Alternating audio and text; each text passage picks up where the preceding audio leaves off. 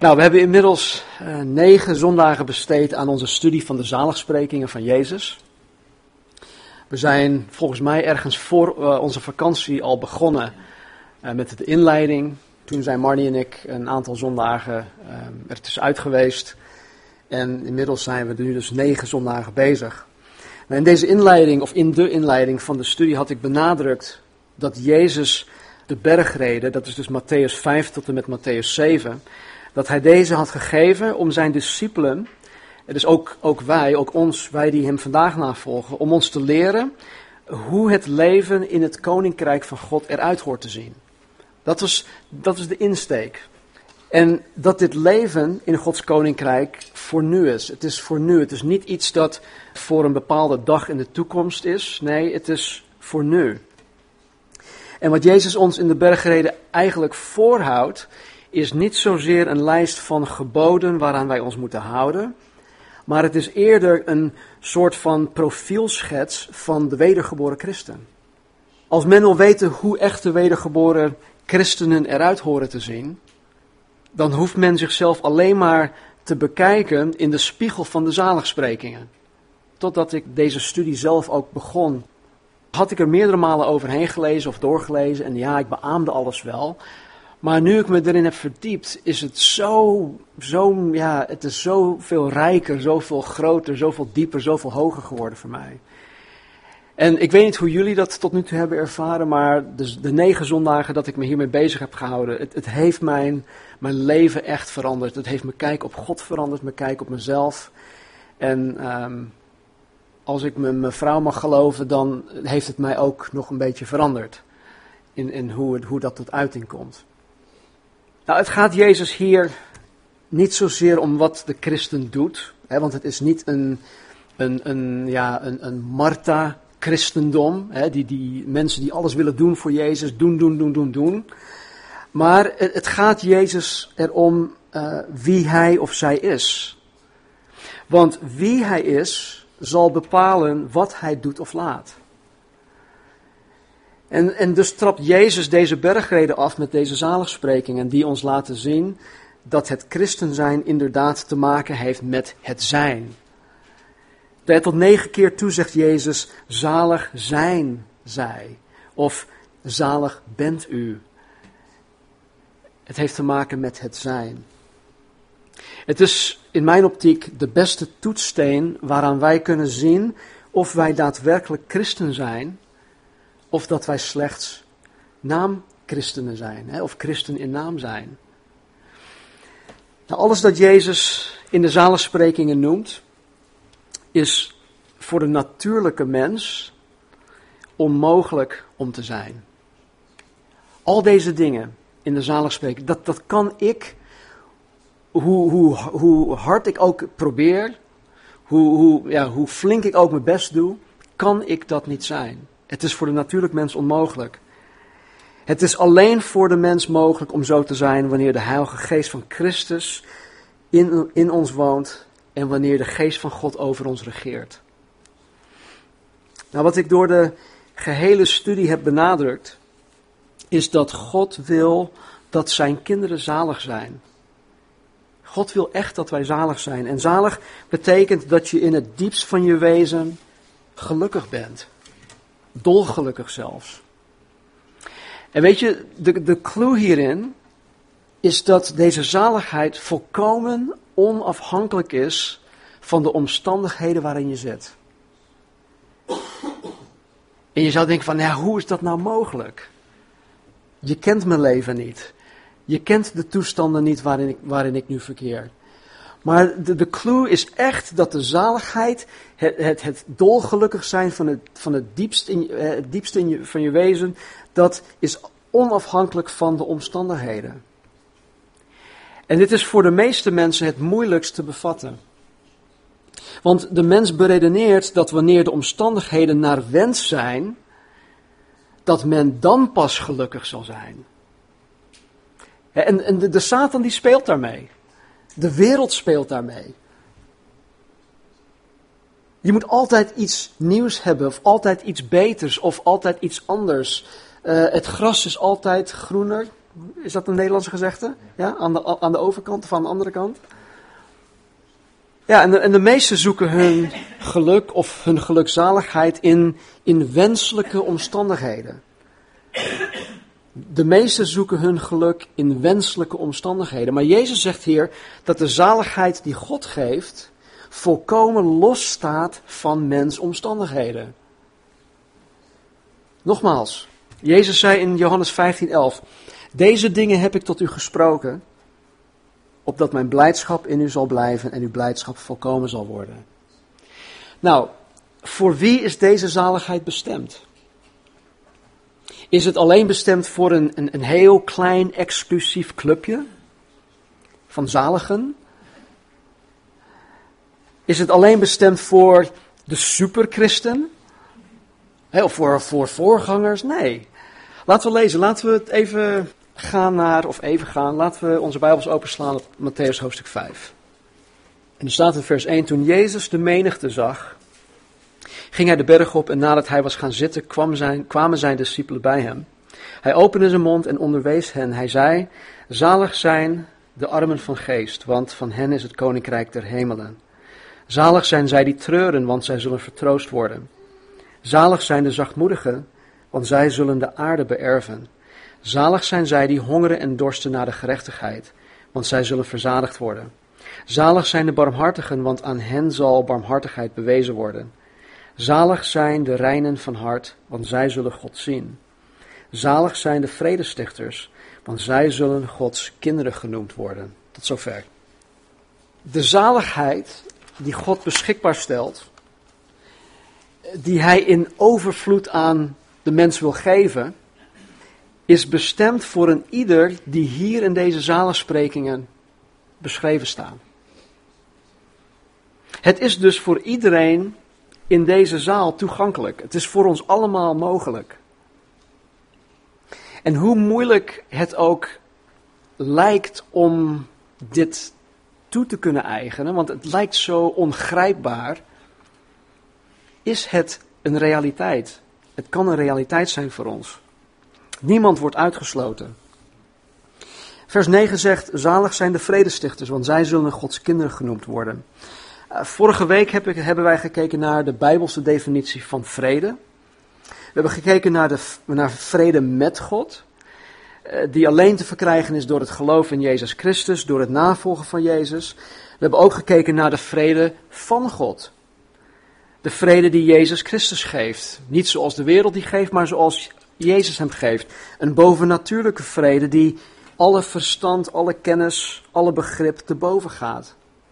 Die alleen te verkrijgen is nadat men het vredesakkoord met God heeft afgesloten door het evangelie van Jezus Christus te aanvaarden. We hebben vorige, vorige week ook gekeken naar één facet van de Bijbelse definitie van de vredestichter. En dat is dat de vredestichter ten eerste mensen helpt om om vrede met God te maken, om met God verzoend te worden. En de manier waarop de vredestichter dit doet, is door het evangelie der vrede met mensen te delen. Weet je wat zo mooi is? De vredestichter brengt God en de mens bij elkaar. Het is niet dat wij um, tussen God en, en, en de mens staan. Want Jezus is de enige die dat, die dat is. Maar wij worden als instrumenten, als, als gereedschappen in de handen van God gebruikt om God en de mens bij elkaar te brengen door het gehele evangelie in alle waarheid met de mens te delen. Daar hadden we het vorige week over gehad. En dit is dus één aspect van het vredestichter zijn. En weet je, de, de, de zaligheid die je ervaart wanneer je iemand met, met God mag verzoenen. De, de vreugde, de blijdschap, het gevoel die, die God je geeft wanneer je iemand met God mag verzoenen. Er is geen beter iets hier op aarde. Het is het allerbeste dat er is. Er bestaat echt niets beter om uh, dan iemand te helpen om tot geloof te komen, om iemand tot geloof te zien komen. Want dat is, dat is verreweg het grootste wonder in een mensenleven. Wanneer iemand tot, tot wedergeboorte komt, is, is, dat is het, het grootste wonder in een mensenleven. En dit is het werk van de vredestichter. God heeft ons geroepen om mensen en God bij elkaar te brengen. Wij zijn de vredestichters. En zalig, dolgelukkig in het diepst van hun wezen zijn de vredestichters, want zij zullen Gods kinderen genoemd worden. Nou, vanmorgen gaan wij deel 2 van deze studie behandelen en, en wat veel meer uh, betrekking heeft op het praktisch uh, stichten van de vrede. En dan bedoel ik alleen maar uh, één facet en dat is dan het, het stichten van vrede binnen onze relaties. En mijn gebed is dat God ons vanmorgen ja, iets zal laten zien van hoe de vredestichter op dit gebied, um, ja, hoe dat eruit gaat zien of hoe dat eruit hoort te zien. En hoe wij dit in de praktijk kunnen brengen. Dat God ons vanmorgen wat handvatten geeft om dit te doen. Nou, nogmaals, ik, ik, wil, ik wil benadrukken dat de christen positioneel gezien, onze positie in Christus, zijn wij al deze dingen. Wij zijn al vredestichters. Maar het stichten van vrede in ons dagelijks leven is iets dat wij door God geleerd moeten worden. En God leert ons voornamelijk hoe wij een vredestichter kunnen worden door zijn woord. Nou, om mee te beginnen roept de Bijbel ons dringend op om vredestichters te zijn. In Psalm 34, 15 staat: Keer je af van het kwaad en doe het goede. Zoek de vrede en jaag die na. Zoek de vrede en jaag die na. In Romeinen 14, 17 en 19. Het koninkrijk van God bestaat niet e- uit eten en drinken, maar uit gerechtigheid en vrede en blijdschap in de Heilige Geest. Laten wij dus najagen wat de vrede en de onderlinge opbouw bevordert. 2 Timotheus 2 vers 22. Maar ontvlucht de begeerten van de jeugd. Jaag rechtvaardigheid, geloof, liefde en vrede na. Samen met hen die de Heer aanroepen uit een rein hart. En in Hebreeën 12, vers 14 staat: Jaag de vrede na met allen en de heiliging, zonder welke niemand de Heer zal zien.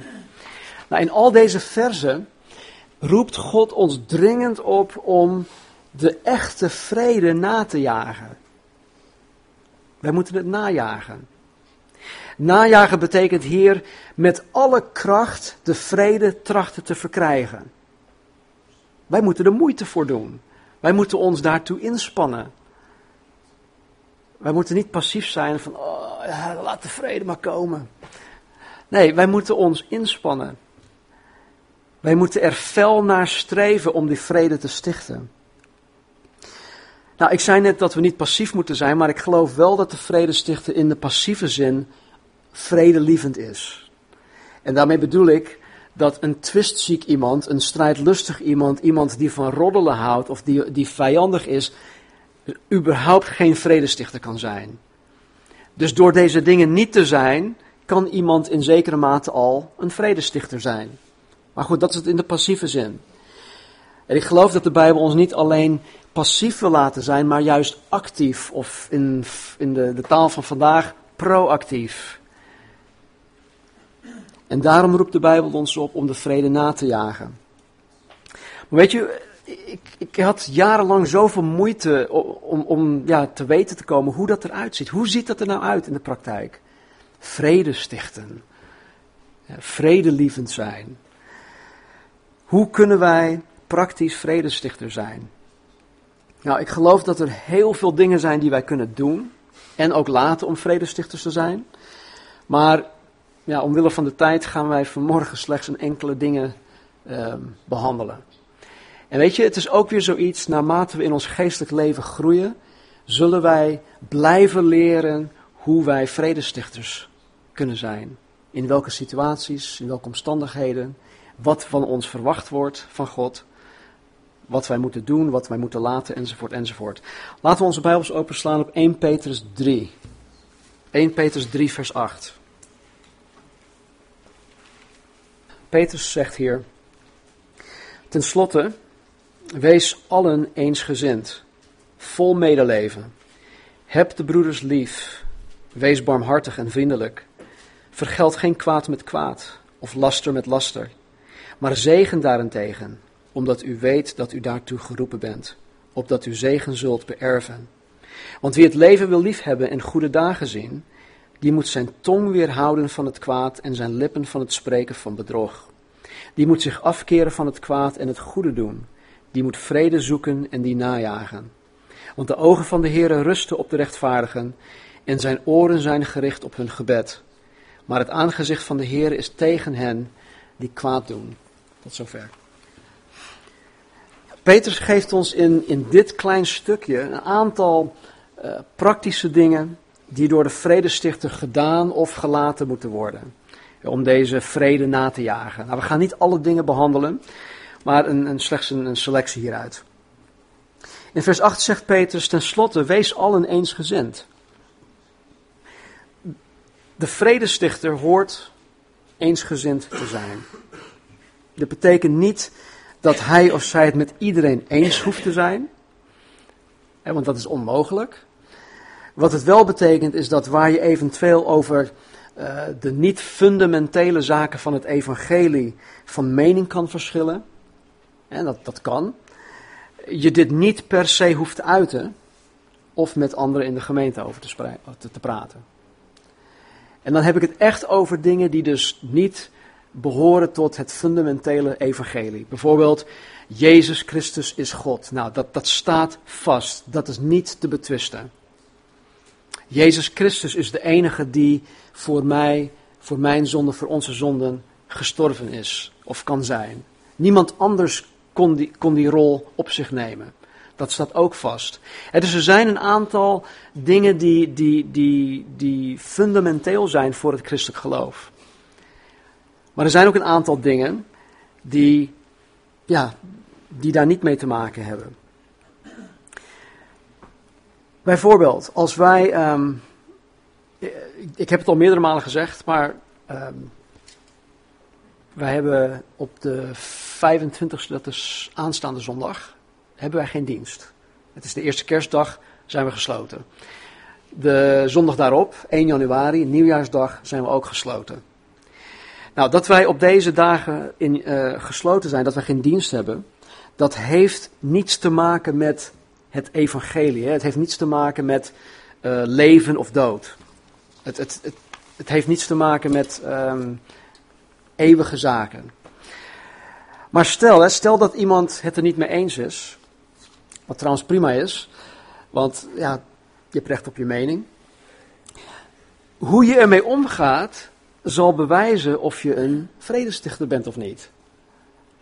Ik geloof trouwens niet dat, dat iemand het er niet mee eens is hoor, maar het, het zal wel bewijzen of je een vredestichter bent of niet. Want als je eensgezind bent, dan weet je hè, dat de keus die gemaakt is uh, door het leiderschapsteam niet zomaar uh, gemaakt is. Uh, je hebt het vertrouwen erin dat, dat de, jullie kerkleiders daarvoor gebeden hebben. dat ze alle, alle mogelijkheden wel overwogen hebben. En vervolgens dat je je, ja, dat je je vervolgens daaraan schikt. Nou, het, is door deze mensen besloten. Zij weten het beste. Zij, zij waken over onze zielen. Prima. Want deze beslissing, dat, het doet geen afbreuk aan het evangelie.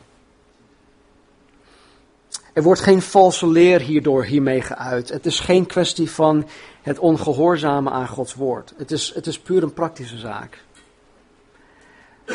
En misschien kan je wel zeggen, ja, maar je moet de samenkomsten niet um, verzaken. Nou, een samenkomst kan ook twee of drie bij elkaar zijn. Dus ik moedig jullie ook aan trouwens, in die twee weken dat we geen diensten hebben, dat je elkaar ook opzoekt. Dus dit is, een, een, een niet, ja, dit is geen zaak uh, wat, wat leven of dood betreft. Nou, wat een, een, zeg maar een, een niet-vredestichter zou doen, is er met anderen over praten. En dingen zeggen ze van, oh man, ik begrijp niet dat ze zomaar geen dienst hebben op deze dagen. Of uh, ik kan me niet voorstellen dat ze, dit, uh, dat ze dit kunnen doen. Of ja, dat kunnen ze toch niet maken. Hoe halen ze het in hun hoofd, enzovoort, enzovoort. Maar met dit soort gepraat uh, sticht je geen vrede. Je bouwt niemand ermee op. Je zaait eigenlijk alleen maar onvrede of onrust en zelfs ook wantrouwen. Wat je denk ik in, daarvoor in de plaats zou moeten doen, is naar een, ander, naar een van de leiders toe stappen en vragen hoe deze beslissing tot stand is gekomen. Tracht het te begrijpen. Praat alleen met degenen die erover gaan. En als je het er nog niet mee eens bent, vraag jezelf af waarom dit zo belangrijk voor je is. Sterker nog, vraag aan God of Hij degene is die je hiervan overtuigt, of is het gewoon een eigen voorkeur? Voorkeur heeft vaak, um, ja, dat weegt bij sommige mensen heel zwaar. dat, dat dingen uit uh, traditie gedaan worden, of voorkeur, enzovoort, enzovoort. Ik denk dat het het beste is als je deze dingen tegenkomt, dat je deze kwesties tegen het licht van alle zaligsprekingen aanhoudt.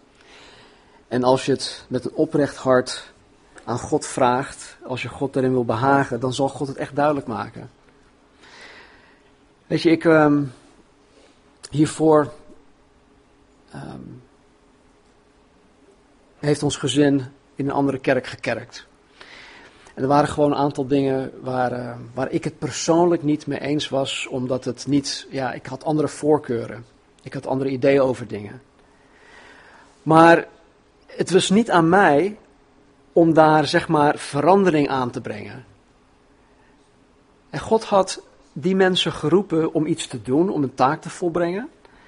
God heeft de leiderschap van die, die plaatselijke gemeente geroepen om iets specifieks te doen. En wie ben ik om daaraan te komen? Snap je dus, ik heb vier jaar lang heb ik mezelf en, en heeft ons gezin ons gewoon geschikt aan de leiders die God over ons gesteld heeft. En dat heeft voor een vredig bestaan gezorgd. Want ik kon ook, ik kon ook stennis, hoe zeg je, stennis maken of schoppen ik, ik, ik kon het moeilijk maken voor een, een, hoop mensen eh, met de Bijbel in de hand. En ik kon Bijbelversen, kon ik, uh, ik kon het allemaal onderbouwen enzovoort enzovoort. Maar joh, daar bereik je niks mee. En, en God heeft me echt zoveel geleerd in, in die tijd. Ten slotte, wees allen eensgezind, vol medeleven. De vredestichter hoort medelevend te zijn. Weet je, dit betekent dat je jezelf ten eerste in het leven of in een situatie van een ander kan plaatsen. Dat is voor sommigen best wel moeilijk. Het betekent dat je medelijden met een ander hebt. Dat je meevoelt, dat je meeleeft met iemand, dat je ook meeleidt. En dit vereist vooral, denk ik, de vijfde zaligspreking. Zalig zijn de barmhartigen. Om medelevend te kunnen zijn, moet je barmhartig zijn. En wat je zou ook kunnen denken dat het hun eigen schuld is. Dat zij op dit moment lijden want ja, ze doen dit niet, of ze doen dat niet, of ze maken de verkeerde keuzes, of ze doen dat, of enzovoort, enzovoort. En dus je kan mensen ook gewoon de schuld geven dat zij op dit moment lijden. En al is dat zo, door medelevend te zijn, door barmhartig te zijn, help je die persoon in hun situatie. Maar je helpt hen ook door hun te beschermen tegen anderen die geen vredestichter zijn. En je leeft met hen mee en je, en je helpt deze mensen in stilte, want niet iedereen hoeft per se te weten waar deze persoon doorheen gaat. Niet iedereen kan daarmee omgaan. Dus als God jou geroepen hebt om, of heeft om, om een vredestichter te zijn in het leven van die persoon, dan is het tussen jou, God en die persoon. En niemand anders hoeft dat te weten. Je sticht vrede in het leven van degene waarmee je medelijden hebt, waaraan je medeleven toont. De vredestichter hoort zijn broeders en zusters in Christus lief te hebben, staat hier. En dat is een hele, heel praktisch iets. Misschien is het nog niet concreet genoeg, maar elke keer wanneer je in een conflict situatie terechtkomt met een broeder of zuster, is de allerbeste actie die genomen kan worden je eigen mening, je eigen standpunt, je eigen ik, te filteren door 1 Korinthe 13, 4 tot en met 8. Als ik in een conflict ben geraakt, dan moet ik mijn eigen mening, mijn eigen standpunt, mijn eigen ik in het, tegen het licht houden van 1 Korinthe 13. Ik moet mezelf daardoor heen filteren. Peter zegt even verder in, in hoofdstuk 4, vers 8. Heb voor alles, of heb voor alles, vurige liefde voor elkaar. Vurige liefde voor elkaar. Want de liefde zal een menigte van zonden bedekken. Door, andere, door de andere vurig lief te hebben, gaat het niet meer om je eigen ik. Want liefde gaat om de ander. Liefde is niet ikke, ikke, ikke en de rest kan stikken. Nee, liefde gaat echt om de ander. Het gaat dan om het stichten van vrede. De vredestichter hoort barmhartig te zijn. Nogmaals, medelevend, medelijdend, maar ik denk vooral barmhartig in de zin dat je de ander niet per se geeft wat zij verdienen. Ja, door barmhartigheid weerhoudt God zijn straf van mij die ik verdien. Ik verdien de doodstraf. Maar omdat God barmhartig is, onthoudt hij die straf van mij. Hij heeft zijn zoon gegeven om in mijn plaats die straf op zich te nemen. Dus al verdient iemand in jouw mening jouw straf, de vredestichter weerhoudt die straf van die persoon. Ik had, ik had het wel eens eerder genoemd, hè, maar ik ken iemand die. Ik ken wel meerdere mensen. Maar uh, deze, deze man, die, uh, als die dan ruzie heeft met zijn vrouw, praat soms dagenlang niet met zijn vrouw. Hij negeert haar volkomen. Alsof ze dood is. Soms een week lang. Ze leven helemaal langs elkaar heen. En dat is dan zijn manier om haar te straffen. En weet je, dat is, dat, dat, dat is zo bizar. Maar die persoon, die man, is dan van mening dat, dat, dat zijn vrouw een bepaalde straf verdiend heeft. En wat doet hij? Hij straft haar. Door haar te negeren, door niet met haar te praten, door te, door te doen alsof ze niet bestaat. En al heeft hij gelijk, al heeft ze iets zo ergs gedaan, de vredestichter weerhoudt de straf die hij in zijn eigen gedachten denkt eh, nodig te zijn van die persoon. Ja, al verdient iemand in jouw mening jouw mening. Als al verdient iemand jouw mening te horen, of dat je hun toch even zeg maar de waarheid wil vertellen, of dat je hun uh, de wind van de front, de wind van voren wil geven. Laat het gewoon. Laat het. Breng de zaak, in, in plaats daarvan, breng de zaak aanhoudend voor Gods genadetroon. En laat het aan God over. En blijf bidden totdat God de uitkomst biedt. Begrijp me niet verkeerd, er zijn soms situaties waar je gewoon iets moet zeggen. En als God daarvoor de deur opent, als God je de woorden geeft, de wijsheid geeft, zeg het gewoon. Praat met die persoon. Maar als het vanuit je vlees komt, van, eh, als je zoiets zegt van, nou, ik, ik, ik moet hem toch de waarheid vertellen. Of ik moet hem toch straffen.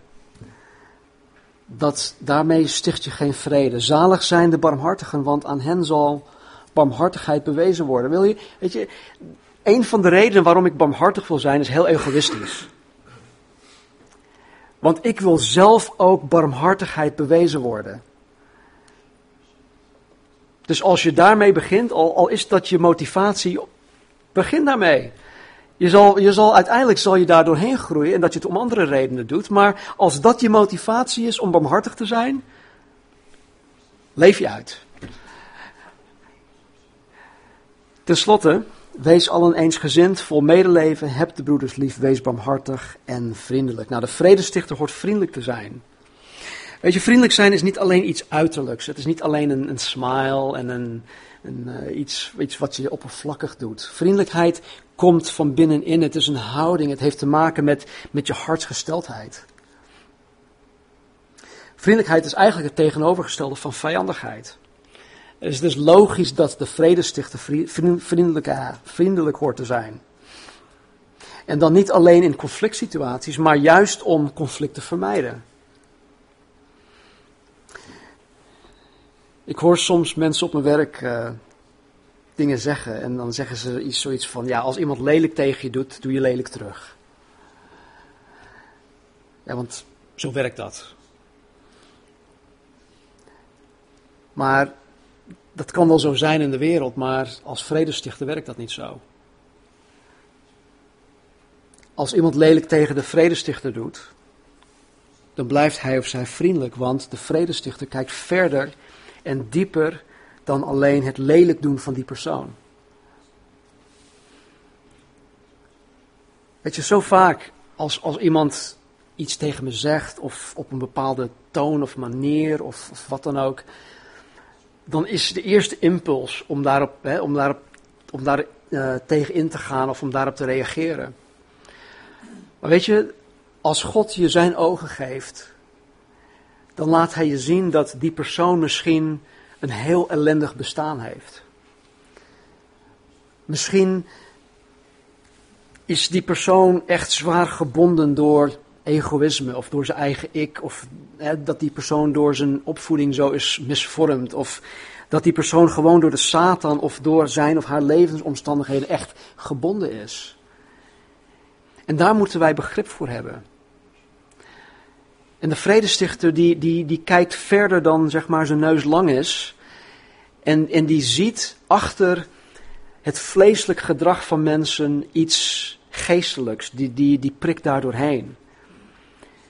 En als je dan de compassie van Jezus Christus hebt, dan, dan wil je niets anders dan alleen vrede stichten met zo'n persoon.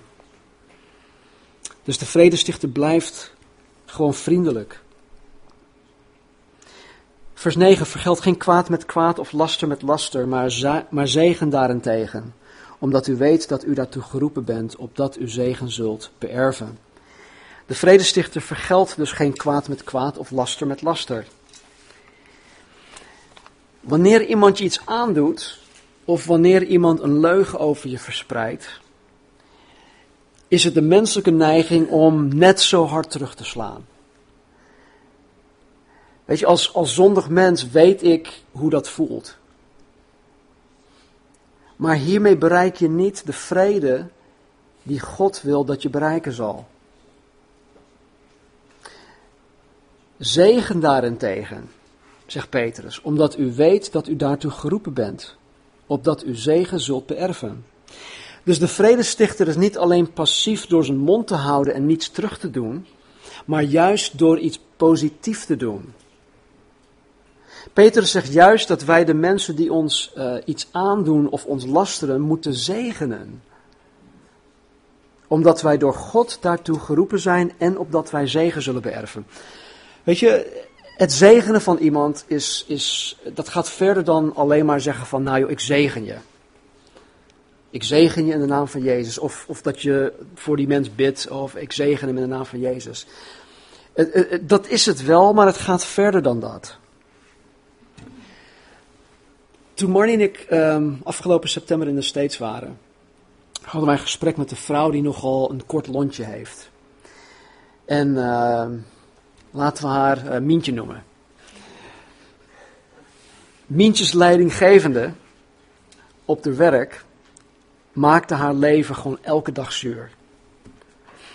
Mientje kon niets goed doen hè, in de ogen van de leidinggevende. En deze leidinggevende liep eigenlijk elke dag te fitten op Mientje. En omdat Mientje niet alleen een kort lontje had, maar ook nog eens een uitgesproken mening, hadden deze twee al vaker ruzie gehad op, op het werk. Nou, toen Marnie en ik daar waren, vertelde Mientje ons over deze situatie. En op dat moment was de leidinggevende op vakantie. het was op een donderdag of zo.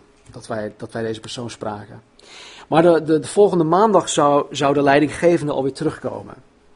Dus wat, wat Marnie en ik deden, wij, wij bemoedigden Mientje om niet alleen, of, of, om niet, of niet alleen geen kwaad met kwaad te vergelden, maar om haar leidinggevende te zegenen. En Mientje keek ons aan van, ja, wat bedoel je daar nou mee? Hoe, hoe ziet dat eruit? Nou, gewoon om iets liefs voor haar te doen. Ja, hallo, je, je kent die persoon niet. Dus goed, Mientje die, die strubbelde een beetje tegen. Maar uiteindelijk zag ze in van, oké, nou weet je, ik, ik ga het toch proberen. Dus de volgende dag, dat is op een vrijdag, bracht Mientje een pak stroopwafels mee naar de werk. En had het op het bureau van haar leidinggevende geplaatst, met een, met een briefje erbij. En, uh, want ze wist, nou aanstaande maandag komt ze terug, dus wel leuk, na een week vakantie komt ze terug, ziet ze daar een pak stroopwafels. Dus Mientje kwam maandag op de werk. En tot haar grote verbazing was haar leidinggevende zo blij met die, dat pak stroopwafels, dat haar houding meteen, uh, meteen veranderde. En het mooie ervan is, is dat, dat, je, dat je achteraf dan ziet dat God hier een echte leiding had. Want Mientje wist, ze kende stroopwafels. Toen ze een meisje was of zo, had ze ooit van een Nederlands gezin waarmee ze contact had, stroopwafels gekregen. En ze verlangde al jarenlang naar deze stroopwafels. En wat gebeurt er? Mientje brengt een pak stroopwafels en geeft het aan haar. Dus door haar leidinggevende te zegenen, niet alleen door het te zeggen, maar met een pak stroopwafels van anderhalf euro is, is, is Mintjes relatie met haar leidinggevende honderdmaal verbeterd. En Mintje ervaart nu ook de zegen daarvan. Nou, in de laatste verse van dit stuk citeert Petrus een gedeelte uit Psalm 34. Ook Psalm 34, 15, die ik in het begin ook aanhaalde. En hij zegt hier, want wie het leven wil liefhebben en goede dagen zien, die moet zijn tong weerhouden van het kwaad en zijn lippen van het spreken van bedrog. Die moet zich afkeren van het kwaad en het goede doen. Die moet vrede zoeken en die najagen. Zalig of dolgelukkig in het diepst van hun wezen zijn de vredestichters, want zij zullen Gods kinderen genoemd worden. Nou, tot slot dit. De vredestichter zal Gods kind genoemd worden. Gods kind genoemd worden betekent hier letterlijk erkend worden als Gods kind. Erkend worden als Gods kind. En het is belangrijk dat mensen ons erkennen als Gods kind, ja. Maar nog belangrijker, God erkent de vredestichter als zijn eigen kind. En dit betekent dat de vredestichter een kind van God is en dat dat hij op zijn vader lijkt. God erkent de vredestichter als de zijne. Nou, tot meerdere malen toe noemt de Bijbel God de God van de vrede. Dus ik geloof als, als trotse papa ziet God de vredestichter als zijn eigen kind. En jullie kennen de gezegde vast wel, zo papa, zo zoon. Of is dat Engels? Zo vader, zo zoon? Ja. Of zo vader, zo dochter, whatever. Zalig zijn de vredestichters, want zij zullen Gods kinderen genoemd worden. Laten we bidden. Heer, ik dank u zo voor uw woord. Dank u wel, Heer, dat u ons hierdoor bepaalt. Dat u ons hierdoor wil veranderen. Dat u wil dat wij gelukkig zijn. Dat wij van het diepst in ons wezen, Heer, gelukkig zijn. Dat wij dolgelukkig zijn zelfs. En dat u ons uw woord hebt gegeven, Heer, tot, uh, ja, om dat te kunnen bereiken, om dat te zijn. Vader, waar wij gefaald hebben, tot op dit moment, Heer, in het stichten van vrede. Heer, in het evangeliseren, in het delen van het evangelie met mensen. Waar wij gefaald hebben, waar wij tekortgeschoten hebben, Heer. Waar wij niet gesproken hebben wanneer u had gezegd dat wij moesten spreken. Vergeef het ons alstublieft. En help ons, Heer, om, om die fouten niet meer te maken. Vader, waar wij gefaald hebben, waar wij uh, niet gedaan hebben, heren, om de vrede te stichten in onze relaties. Het zij, heren, tussen man en vrouw, het zij tussen kind en ouder, het zij tussen broer en zus, hier in de gemeente of thuis. Het zij op het werk of op school, waar wij ook komen, heren, waar wij ook in contact met mensen komen, Heer, waar wij geen vrede hebben gesticht. Vergeef het ons alstublieft. En leer ons, Heer. Leer ons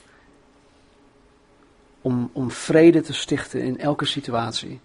Om proactief te zijn in deze zaak. Want vader, de wereld heeft vrede nodig. De mensen om ons heen hebben vrede nodig. Wij hebben vrede nodig. Dus hier help ons alstublieft. Leer ons. En geef ons, hier alles dat we nodig hebben. Ik bid ook voor een ieder van ons, Heer, de komende week.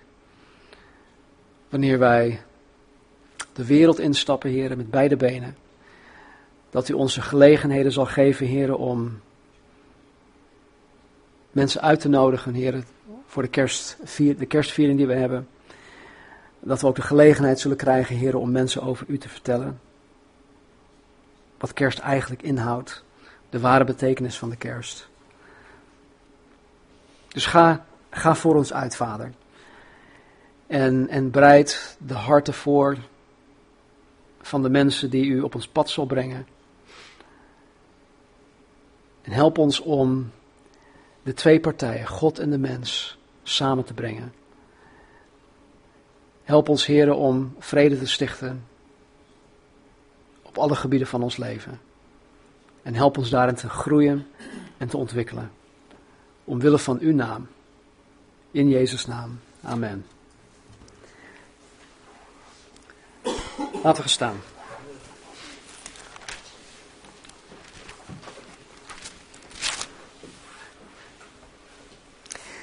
De God nu van de vrede, die de grote herder van de schapen, onze Heer Jezus Christus, uit de doden heeft teruggebracht op grond van het bloed van de eeuwig verbond, mogen u toerusten tot elk goed werk om Zijn wil te doen en in u werken wat in Zijn ogen welbehagelijk is, door Jezus Christus.